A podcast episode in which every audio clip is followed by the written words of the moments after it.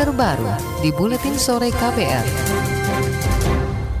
Saudara, pemerintah menetapkan kuota impor garam industri tahun ini sebesar 2,9 juta ton. Jumlah ini naik 200 ribu ton dibandingkan tahun lalu. Menteri Koordinator Perekonomian Airlangga Hartarto mengatakan tambahan kuota tersebut untuk memenuhi kebutuhan industri yang terus bertambah tiap tahun.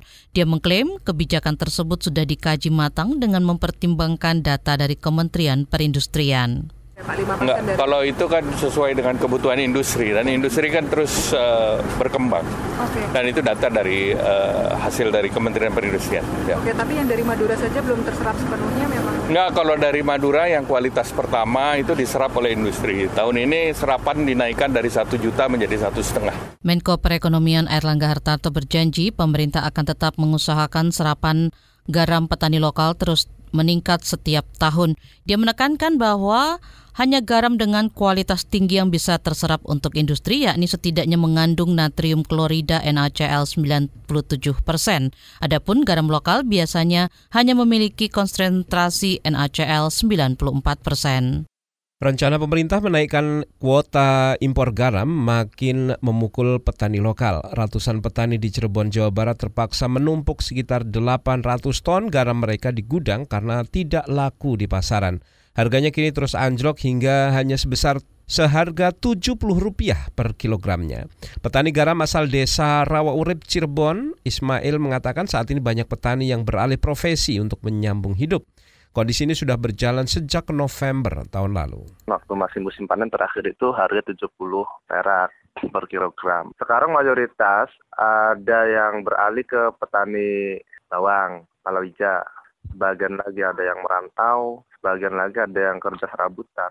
Salah seorang petani garam asal Cirebon, Jawa Barat, Ismail berharap pemerintah membuat regulasi untuk menjaga stabilitas harga garam sehingga tidak menjadi permainan tengkulak. Petani juga mendesak pemerintah untuk menghentikan impor garam lantaran petani di Cirebon menyatakan sanggup untuk memproduksi garam bagi kalangan industri.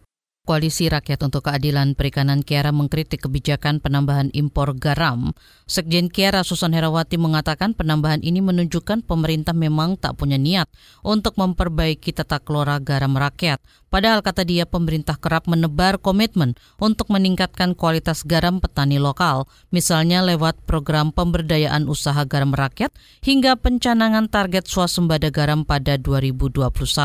Namun hingga kini belum ada progres berarti meski program itu didanai APBN. Itu bisa dibayangkan kalau hari ini garam rakyat kita nggak keserap, itu dengan alasan pasti satu, NHCL-nya nggak nggak se ya nggak sampai 97 persen ya.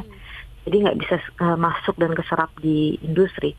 Padahal kan sebenarnya setiap tahun kan kita tahu masalahnya itu gitu ya tapi di dalam uh, anggaran belanja negara gitu untuk memperbaiki nggak ada etiket baik ke sana gitu untuk memperbaiki dan mendorong supaya garam rakyat ini bisa naik sampai 97% NaCl-nya.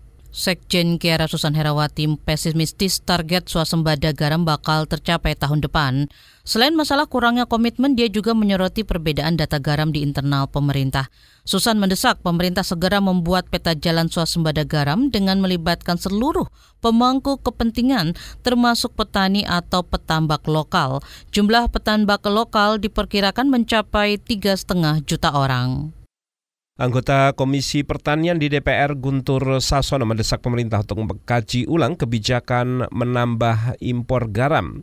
Guntur mempersoalkan keputusan impor yang selalu didasarkan pada alasan rendahnya kualitas garam lokal. Padahal di lapangan kerap terjadi kebocoran garam industri hasil impor yang kemudian dijual ke pasar garam konsumsi. Kondisi ini sangat merugikan petani lokal karena garam mereka kalah bersaing hingga harganya anjlok. Karena kemarin banyak hal yang dilakukan oleh pemerintah seolah-olah garam kita tidak mempunyai suatu kualitas Nah, kemudian dengan sikap itu pemerintah mengambil impor keluar sehingga terjadi seolah-olah impor itu untuk memenuhi garam industri. Padahal kenyataannya ada juga yang dijual untuk memenuhi konsumsi masyarakat. Nah, menurut saya ya kebijakan itu aja yang harus dikaji kembali. Jangan kemudian salah arah lagi. Anggota Komisi Pertanian DPR Guntur Sasono mendesak pemerintah agar mengkaji ulang kebijakan impor garam.